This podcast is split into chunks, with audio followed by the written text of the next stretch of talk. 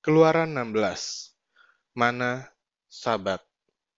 Setelah mereka berangkat dari Elim, tibalah segenap jemaah Israel di padang gurun Sin, yang terletak di antara Elim dan Gunung Sinai. Pada hari yang ke-15 bulan yang kedua, sejak mereka keluar dari tanah Mesir, di padang gurun itu bersungut-sungutlah segenap jemaah Israel kepada Musa dan Harun, dan berkata kepada mereka, Ah, kalau kami mati tadinya di tanah Mesir oleh tangan Tuhan, ketika kami duduk menghadapi kuali berisi daging dan makan roti sampai kenyang. Sebab kamu membawa kami keluar kepada gurun ini untuk membunuh seluruh jemaah ini dengan kelaparan. Lalu berfirmanlah Tuhan kepada Musa, Sesungguhnya aku akan menurunkan dari langit hujan roti bagimu. Maka bangsa itu akan keluar dan memungut tiap-tiap hari sebanyak yang perlu untuk sehari, supaya mereka kucoba apakah mereka hidup menurut hukumku atau tidak. Dan pada hari yang keenam, apabila mereka memasak, yang dibawa mereka pulang, maka yang dibawa itu akan terdapat dua kali lipat banyaknya dari apa yang dipungut mereka sehari-hari. Sesudah itu berkatalah Musa dan Harun kepada seluruh orang Israel, Petang ini kamu akan mengetahui bahwa Tuhanlah yang telah membawa kamu keluar dari tanah Mesir. Dan besok pagi kamu melihat kemuliaan Tuhan karena ia telah mendengar sungut-sungutmu kepadanya. Sebab, apalah kami ini, maka kamu bersungut-sungut kepada kami.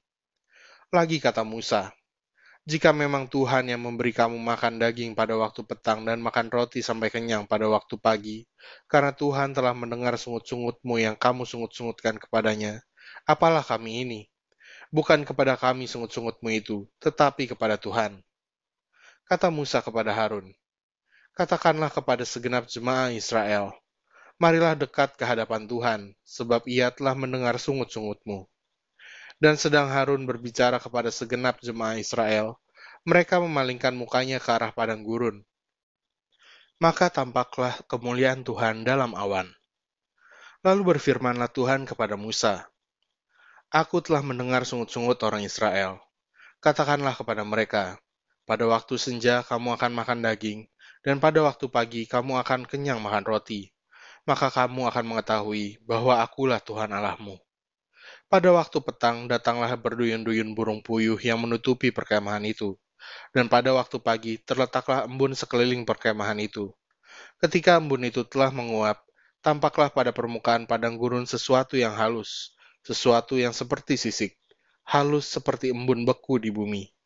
Ketika orang Israel melihatnya, Berkatalah mereka seorang kepada yang lain, "Apakah ini?" Sebab mereka tidak tahu apa itu.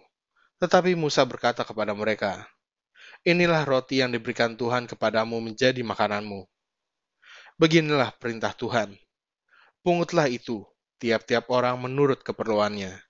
Masing-masing kamu boleh mengambil untuk seisi kemahnya, segomer seorang, menurut jumlah jiwa. Demikianlah diperbuat orang Israel, mereka mengumpulkan ada yang banyak, ada yang sedikit. Ketika mereka menakarnya dengan gomer, maka orang yang mengumpulkan banyak tidak kelebihan, dan orang yang mengumpulkan sedikit tidak kekurangan. Tiap-tiap orang mengumpulkan menurut keperluannya. Musa berkata kepada mereka, Seorang pun tidak boleh meninggalkan daripadanya sampai pagi. Tetapi ada yang tidak mendengarkan Musa dan meninggalkan daripadanya sampai pagi, lalu berulat dan berbau busuk.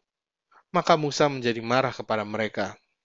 Setiap pagi mereka memungutnya, tiap-tiap orang menurut keperluannya. Tetapi ketika matahari panas, cairlah itu. Dan pada hari yang keenam, mereka memungut roti itu dua kali lipat banyaknya.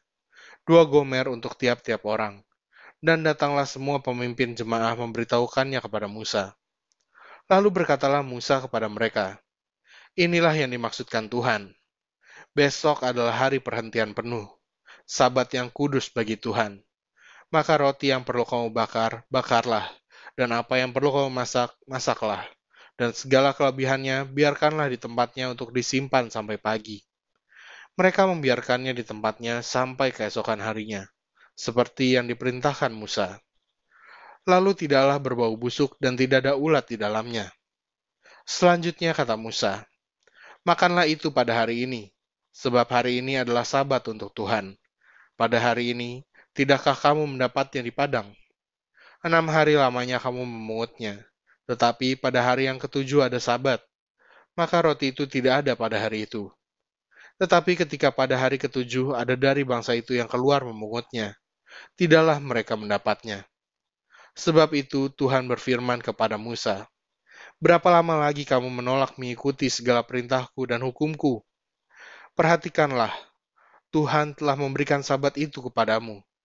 Itulah sebabnya pada hari keenam ia memberikan kepadamu roti untuk dua hari. Tinggallah kamu di tempatmu masing-masing. Seorang pun tidak boleh keluar dari tempatnya pada hari ketujuh itu.